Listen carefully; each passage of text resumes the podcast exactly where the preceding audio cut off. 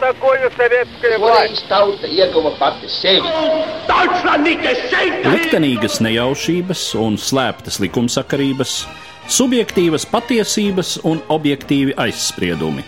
Pēc atkušņa nekad nenāk uzreiz pavasars, bet sākās Arī šodien cilvēki ir ļoti tūredzīgi. Viņi redz to naudu, kas ir. Televīzijā jau pamatā notiek cīņa par varu. Pagātne no šodienas skatu punkta un šodienas caur pagātnes prizmu. Raidījumā šīs dienas acīm. Katru svētdienu Latvijas radio eterā Eduards Liniņš. Labdien, cienījamie klausītāji! Mūsu šodienas varonis ir dzinieks Jānis Ziemeļnieks, dzimis 1897. gada 25. decembrī, tātad pirms apmēram 120 gadiem. Un mans sarunbiedrs studijā - literatūra vēsturnieks Viesturs Vecgrāvis. Labdien! Labdien! Ziemeļnieks nenoliedzami ir viens no savā paudzē zināmākajiem dziniekiem ne tikai to brīdi, bet arī vēlākajos laikos nemainīgi populārs, varbūt nesasniedzot to mērogu, kurš Čakam un Ādamsonam, bet katrā ziņā no tiem desmitiem dzinieku, kuri apmēram viņa vienaudži, viens no zinātākajiem, lasītākajiem. Tātad tā ir tā dzinieku paudze, kuri dzimuši ap gadsimtu mīju un aktīvi ienāk literatūrā pēc Pirmā pasaules kara, un, kā zināms, tas ir laiks, kad dzējā un literatūrā vispār ir daudz jaunu strāvu, kādas ir Jāņa Ziemeļnieka attiecības ar tiem ismiem, kuri uzplaukst latviešu literatūrā pēc Pirmā pasaules kara. Es teiktu, ka rezervētas, bet tai pašā laikā ne absolūti rezervētas. Jo, protams, ziemeļnieks paliek svešs ekspresionismam. Ziemeļnieku nesaistā imažīniskie eksperimenti un modernā urbānā tēlēnība, kā tas bija raksturīgs ne tikai Čakam, bet arī Kurcijam, Laicēnam, pat, protams, Sudrabkalnam arī daļēji. Ja mēs runājam tādā modernitātes aspektā, vienīgais no jaunlaiku ismiem, ko nu varētu inkriminēt ziemeļniekam, ir simbolisms. Un atcerēsimies to, ka ziemeļniekam viens no vistuvākajiem, varbūt pat vistuvākais dzinieks bija krievu dzinieks Aleksandrs Bloks. Un bloks tomēr ir viens tāds izteikts simbolisma novitāšu pārstāvis.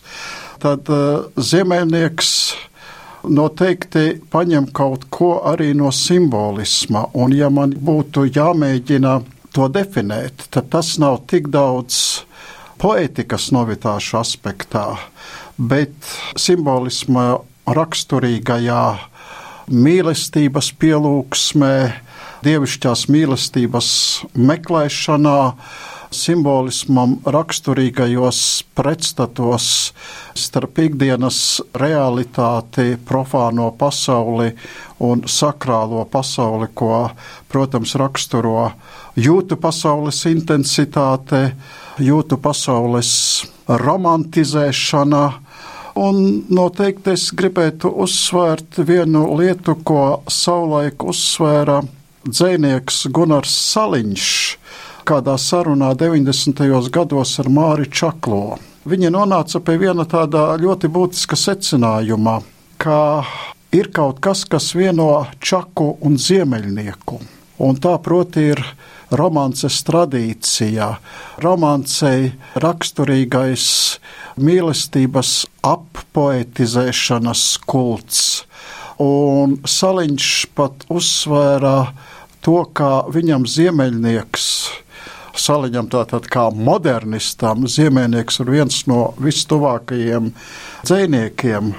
Un es vakardien savā mājas bibliotekā atradu vienu tādu mazo trimdā izdotu ziemēnieka dzējas atlasīti, ko ir sastādījis tieši Gunārs Saliņš, un Gunārs Saliņš kādā citā vietā par ziemēnieku ir izteicies, ka ir diezgan žēl, ka ziemeļnieka mīlas jūtu poētiskumu un melanholisko koptoni nav pārņēmusi jaunā, modernā latviešu lirika. Un, ja es domāju par šo melanholiskumu, ko Saliņš ir uzsvēris Ziemēnieka dzējā un personībā, nu tad es teiktu, ka tomēr pēckarā latviešu dzējā, te es domāju latviešu dzēju pēc otrā pasaules karā, ir viens dzinieks, kurā šis melanholiskais tonis un ideāla meklēšanas alkas ir diezgan izteiktas, un tas, proti, ir agri mirušais trimdas dzinieks Linards Stauns. Staunam, protams, ir absolūti modernistiska poētika, bet pasaules izjūtā viņu daudz kas vieno ar ziemeļnieku. Un visu pirms tā ir tā sapņa atšķeltība no ikdienas realitātes. Šīs atšķeltības dramatisma, neteikšu sakāpināta, bet diezgan intensīva izjūta. Nenoliedzami domājot par to, kādas izjūtas rodas, lasot ziemeļnieku, nu jā, viņš ir mūsu dzējā tāds tiešām melanholijas etalona tēls. Viņa patos tiešām ir šai ziņā droši vien visspilgtākais. Un, uh, Tur ir savi individuāli un likteņa motīvi tajā visā, bet uh, runājot par um, tīri literārā procesa jautājumiem, tad, kā mēs secinām, Ziemeļnieks ir drīzāk tomēr tradicionālists nekā modernists savam laikam, bet kas tad ir viņa iedvesmas avoti, viņa skolotāji latviešu lirikā? Blakus jau minētajam blokam man jāmin ir Jānis Akuraters, ar kuru ziemeļniekam bija arī tādas personiski ļoti draudzīgas attiecības, neraugoties uz gadu starpību un gadu distanci. Un man liekas, ka vienā ziņā ziemeļnieks ir akurāterā ideju sekotājs.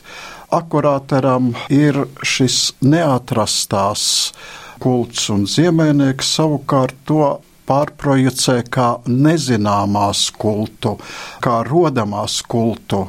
Un man liekas, ka ar akurātoru viņu saistā arī, kā jūs tā zīmīgi teicat, tāds ekstātisks patos, kas ir akurāterā labākajos dzējoļos. Un te man liekas, ka viņi ir izteikti radniecīgi. Un vēl viens moments, kas, manuprāt, ar kādu citu latviešu klasiķi Ziemēnieku saistā, Proti, es domāju Kārlis Skalbi. Un ne jau Kārļa Skalbes dabas kultu, bet eh, Kārļa Skalbes lakonismu, Kārļa Skalbes spēju četrās, astoņās, divpadsmit rindās uzburt vizuāli precīzu psihi ļoti ietekmējušu poetisku ainavu, un šajā ziņā es domāju, ka arī ar Kārlis Kalbi ziemeļniekam ir radniecība. Un vēl viens moments, uz kuru man īpaši nav atbildes, bet ko ir rakstījuši gandrīz visi ziemeļnieka biogrāfi, protams, citu citu atkārtojot.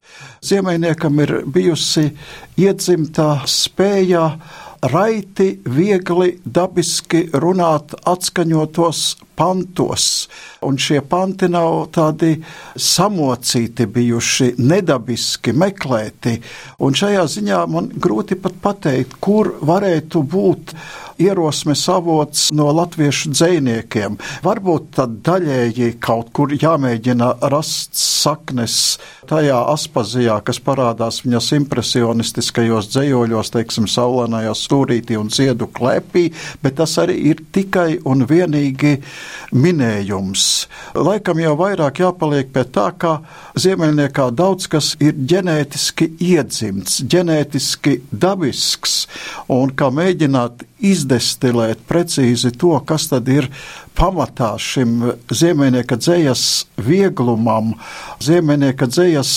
lirismam, to ir ļoti, ļoti grūti pateikt. Atgriežoties pie biogrāfijas, tad ziemeļnieka īstā vārdā Jāņa Kraukļa bērnības, agrīnās jaunības tapšanas laiks, tie ir arī visai grūti laiki. Kā zināms, tas ir tas vētrainais 20. gadsimta sākums, pirmās desmitgades, sevišķi Latvijai, kas sākas jau ar 5. gadu, un tieši 5. gadā ziemeļnieka ģimene paliek bez galvenā apgādnieka, mirst viņa tēvs, un māte paliek ar vairākiem maziem bērniem. Un, cik var noprast, bērnības gadi ir gana grūti tīri materiāli. Nu, un arī pēc tam nesevišķi stipra veselība, ne tās spožākās izglītības iespējas. No vienas puses, jā, viņš atrod sev pielietojumu un apgūst fotomeistara amatu. Pēc Pirmā pasaules kara tas ir arī vienu brīdi ierēdņa darbs, un tad eh, pēdējos dzīves gados žurnālista vieta izdevumos jaunākās ziņas un eh, žurnāla atpūta, kur tā var no atmiņām spriest, eh, dzīve ir daudz maz nodrošināta no materiālā viedokļa, bet melanholija tā nav ziemeļniekam tikai poētiska, tā ir arī tādā nesevišķi, kā mēs šodien teiktu, veiksmīgā personiskajā dzīvē, acīm redzot. Viņš nav bijis ļoti komunikabls. Droši vien mēs šodien tā vērtētu, ka viņš ir bijis introverts kā personība. Katrā ziņā tāds iespējas rodas arī palasot viņam veltīto Jāņa Plauža cik mēs to pat varam saukt par romānu. Tā taisnība sakot, drīzāk ir tāds biogrāfijas mēģinājums. Jā, es jums piekrītu. Faktiski tā ir biogrāfijas studijā. Un vienlaikus man ir dziļa cieņa pret Jāni Plaudi, kā pavisam citas tradīcijas pārstāvi, kurš tomēr ir uztaustījis nu, ļoti daudz ko ziemeļnieka personiskajā traģismā un parāda šo traģismu bez pārmetumiem un tā dziļi cilvēciski, bet tai pašā laikā ir viena lieta, ko Plaudis mēģina racionalizēt, un līdz ar to kļūst vienkāršoti kategorisks. Un kāpēc to es saku?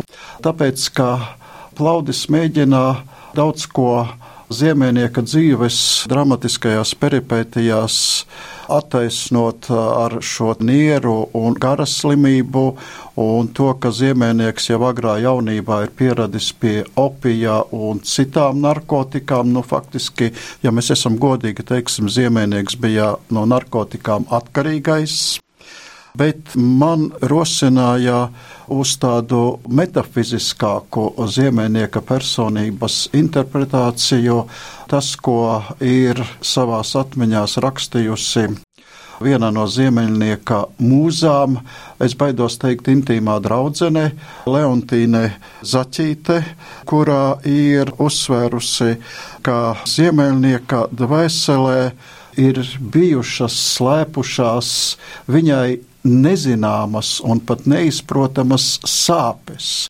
No sāpes gandrīz kā tāda iracionāla parādība, kuru izcelsme nav iespējams izskaidrot. Un man liekas, ka šī gadījumā iespējams, ka jārunā ir par tādu pašu ļoti trauslu psihostruktūru, psihostruktūru, kas ir tendēta uz šo traģisko dzīves aspektu sāsināt uztveri, psihostruktūra, kāda bija raksturīga arī mūsu Jānim Porukam. Tas, ka Ziemeļniekā dzējā tik daudz atkārtojās, vai pareizi sakot, organiski parādās tie paši pasaules sašķeltības, atšķeltības no šīs dievišķās mīlas motīvi, faktiski varētu likt ziemeļnieku raksturot kā jaunā, modernā laikmetā tādu klasisku romantiķi, kurš ilgojās pēc šīs sapņu pilnības mīlestībā un vienmēr paliek šķirts no šīs pilnības. Un zobus sakodis viņš sāpēs rieklusi. Tu mani mīli gan, bet tomēr pievīlusi.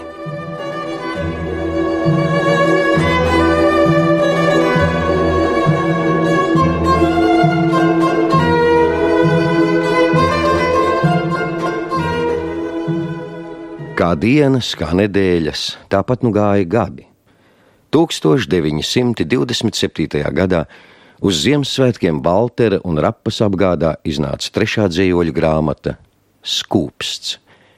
Te bija vienopus daudz ziemeļnieka labāko dzējoļu, aiz kādas nakts, it kā vēsma, mātei, vīzija, kuras viņš rakstīja vēl pirms drauga nāves. Te atradās himnas un lūkšanas sievietes ideālam, ko nu viņš īstenības un iedomas raudz dažādos virzienos, bija pacēlis mākoņos. Svētā, kurp lai es bēgu?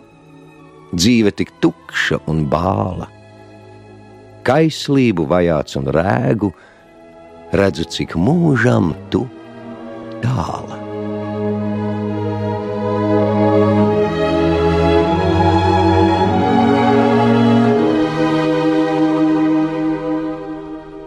Ik viens īsts dzinieks iedomu tēlos pārvērš tikai pats savu dzīvi. Ziemeļnieks to, kas viņu sāpināja, to, kas viņu mīlēja, un arī bloka daļo dāmu salēja vienā tēlā. Viņam sieviete kļuva svētā.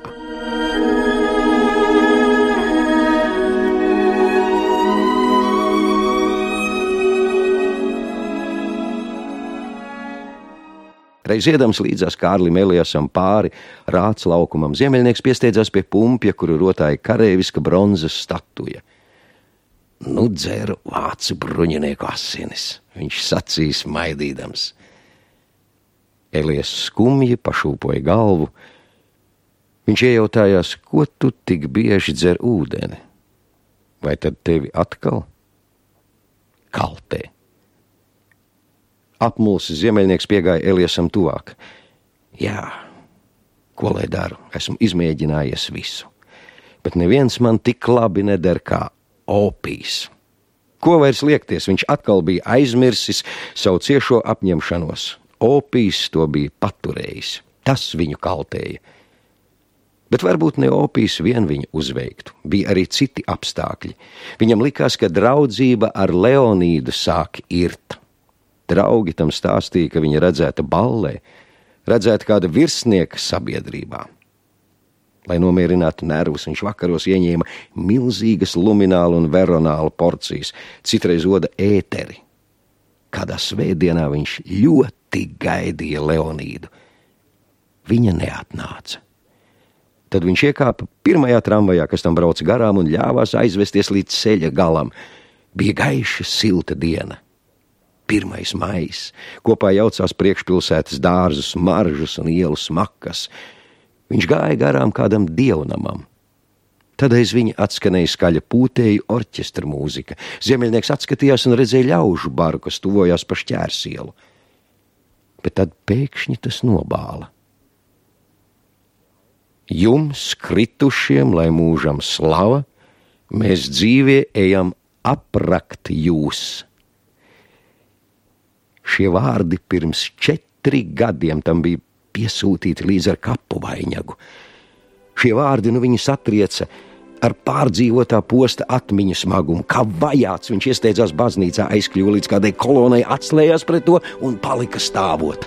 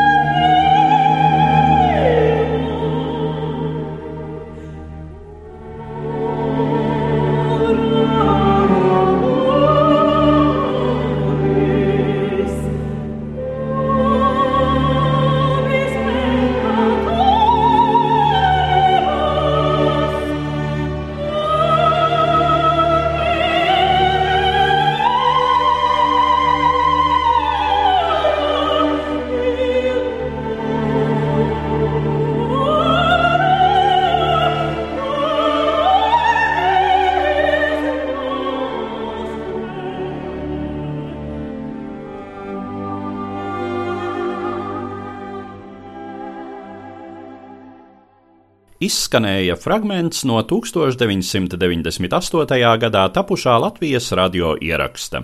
Jāņa Plauža romānu Ziemeļnieks lasa Guntis Krastīņš, iestudējuma autore Ligita Meķe, režisore Irēna Cērmane. Un nu atgriežamies pie sarunas par dzinieku Jāni Ziemeļnieku.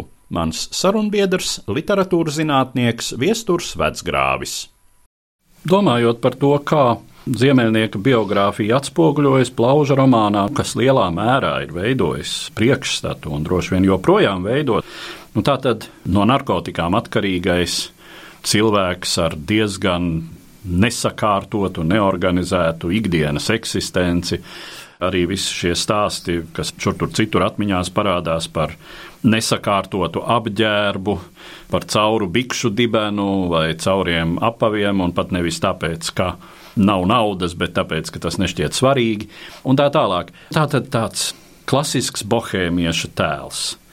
Vai gadījumā tomēr te nav tas efekts, par kuru jau reiz vien daži literatūras vērtētāji ir izteikušies, ka tādai populārai uztverei ir vajadzīgi šie nepieradināto dzinieku tēli, kuri lūk noskranduši, alkoholā mirkstoši vai ar narkotikām pastāvīgā sakarā, ar vai nu netradicionālu, vai katrā ziņā kaut kādā mērā greizu, atkal jau no ikdienas viedokļa, seksuālo dzīvi un tā tālāk. Un tā tālāk.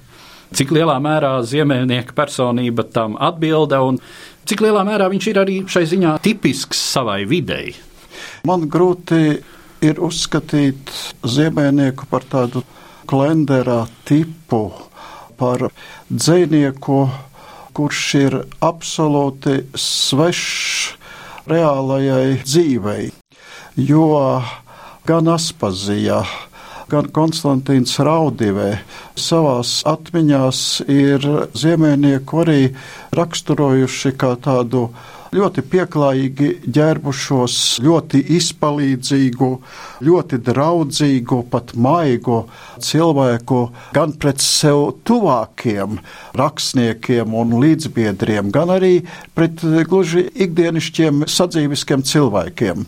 Man liekas, ka ziemeļnieka gadījumā droši vien jārunā par to, ka ziemeļniekam bija šie tumšie, totāli depresīvie brīži, kad viņš tik tiešām, kā jūs pareizi teicat, ieslīga apātijā un absolūtā ģērbšanās, ignorancē, un ziemeļniekam bija arī šie gaišie brīži. Laikam jau jārunā par šo gan narkotiku, gan arī savas ļoti smalkās psihostruktūras važās esošu cilvēku, kurš gandrīz būtu vairāk jāatceldina, ka viņam šo gaišo brīžu bija vairāk nekā šo tumšo brīžu. Un šajā ziņā man liekas ļoti pārliecinoši tas, ko drīz pēc Ziemeļnieka nāves rakstījis Kārlis Skalbe, ka Ziemeļnieks nekad nav atteicies palīdzēt saviem draugiem vai vecākiem kolēģiem, un vienlaikus Skalber ievērojis arī tādu ziemenieka raksturā vienu īpatnību. Ziemēnieks visus asumus, visus konfliktus, vai varbūt visu to, ko viņš vēlējās izšaut pret sabiedrību vai kaut kādiem noteikumiem, visu to ir noglabājis pats sevi. Un šādiem cilvēkiem, kā jūs pilnīgi pareizi teicat, introverts cilvēks ir ļoti grūti uztvert visu šo realitāti atbilstoši tā, kā mēs tā pragmatiski to visu varētu uztvert. Bet vienalga es ziemeļnieku ļoti cienu vienā citā kārtīguma aspektā. Zemēnieks nekad nav nekārtīgs pret savu dzēju, nekad nav nekārtīgs pret tiem kritiskajiem rakstiem, ko viņš bija spiests regulāri iesniegt dažādiem žurnāliem. Un šīs kritikas ir uzrakstītas ļoti skaidri, ļoti tieši, ļoti sakarīgi. Jūs jau ļoti precīzi uzsvērat, jā, varēja būt brīži, kad ziemēnieks ignorēja sabiedrības standartus, bet nekad viņš neignorēja standartus attiecībā pret savu mākslu. Kā zināms, Jānis Ziemeļnieks aiziet mūžībā nepārprotami pāragri, 32 gadu vecumā. un uh, dzīves laikā pagūst iznākt uh, četri viņa dzēju krājumi, pie kam uh, par pēdējo krājumu naktis viņš saņem arī kultūras fonda atzinību. Un tūlīt pēc nāves tad viņa daļrade, ieskaitot nepublicēto dzēju, tiek apkopota vienā tādā pamatīgā sēmiņā, kas ir arī manā īpašumā. Tātad tas iznāk 1931. gadā, kas liecina, ka viņš ir bijis savā laikā visnotaļ novērtēts dzēnieks, un arī pēc tam mēs varētu īsi iezīmēt to ziemeļnieka dzējas likteni pēc viņa aiziešanas.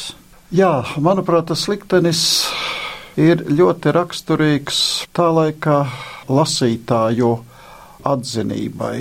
Un padomju laikā runājot ar vienu pedagoģijas pasniedzēju, kura ļoti labi atminējās 20. un 30. gadus, kad es viņai tiku bildis par to, ka Čakstā ir ļoti liela figūra mūsu lirikā, tad viņa teica, Čaks nebūt, nebija tik īpaši populārs.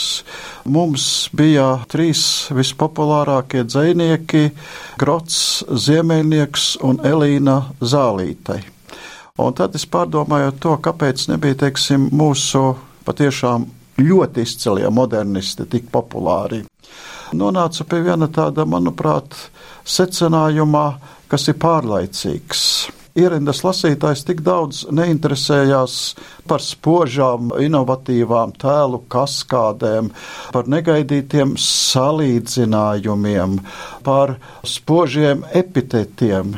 Bet ierindas lasītājam ir ļoti svarīga šī sirdsvaloda, sirdsvalodas patiesīgums, sirds valodas nepārprotamā intimitāte. Un lūk, šajā ziņā gan Grots, gan Elīna Zālīte, gan Ziemēnieks tieši šīs sirds valodas patiesīgumā un intimitātē ir tie, kas piesaista lasītāju. Lasītāju, kuram noteikti viņa dvēseles atmiņā arī dzen ir daudzi radniecīgi brīži vai situācijas, kādas attēlo ziemēnieks savā dzējā, bet ziemēnieka priekšrocība ir tā, ka viņš to pasaka tādā sabiezinātā, intīmā, kāpinājumā, kurā var sajaust visus šos pretstatus, kādus ziemēnieks izjūt, bet vienalga paliek šī dvēseliskuma ekstāze, tāda melanholiska sajūta. Un es saviem studentiem nereti skaitu priekšā vienu ziemenieka četrindi, kurai ir nosaukums albumā, un nosaucu šo četrindi kā tādu paraugu, kā klasiskā formā ir iespējams uzrakstīt īsu, lakonisku, iespaidīgu, ietilpīgu dzējoli, un es atļaušos šo četrindi noskaitīt. Tā puķe uzziet, ko tu paņem rokā, tā sirds sāk mīlēt, ko tu uzlūko, tev ir jau viss, tu staigā zvaigžņu lokā, es tev vairs dāvāt nevaru neko. Faktiski tā ir novele, dramatiska novele, kuru Ziemēnieks ir sabiezinājis četrās rindās. Bet jūs man jautājat par to Ziemēnieka pēcnāves dzējas liktenī. Bez šīm kopotajām dzējām taču iznāca Ziemēnieka kopotie raksti. Trimdā tika izdotas kopotās dzējas. Padomju laikā, ja nemaldos, divreiz tika izdoti Ziemēnieka dzējas izdevumi. Jaunajos laikos, pēc 90. gada, atkal ir iznākušas tādas biezas, kārtīgas Ziemēnieka dzējas izlases. Un laikam jārunā par to vienkāršo faktu. Ziemēnieks ir cilvēciski pārlaicīgas, cilvēciski universālas izjūtas savā lirikā nofiksējas, un lasītājs jeb kuros laikos šīs universālās izjūtas, pārlaicīgās izjūtas pieņem kā ļoti būtiskas savu emociju vēlreizējai pārdzīvošanai. Arī tas man liekas ir svarīgi, ka lasītājs var savas personiskās emocijas vēlreiz pārdzīvot, lasot šāda tipa, būsim godīgi, vienkārša dzēnieka, kā ziemeļnieks liriku. Es domāju, ka ar to arī ir pateikts būtiskākais par Jāņa Ziemeļnieka dzīvi un daļradi ko mēs pieminām šodien sakarā ar viņa 120. jubileju. Un es saku paldies par šo sarunu literatūras zinātniekam Viesturam Vecgrāvim. Paldies jums! Katru svētdienu Latvijas radio viens par pagātni sarunājas Eduards Liniņš.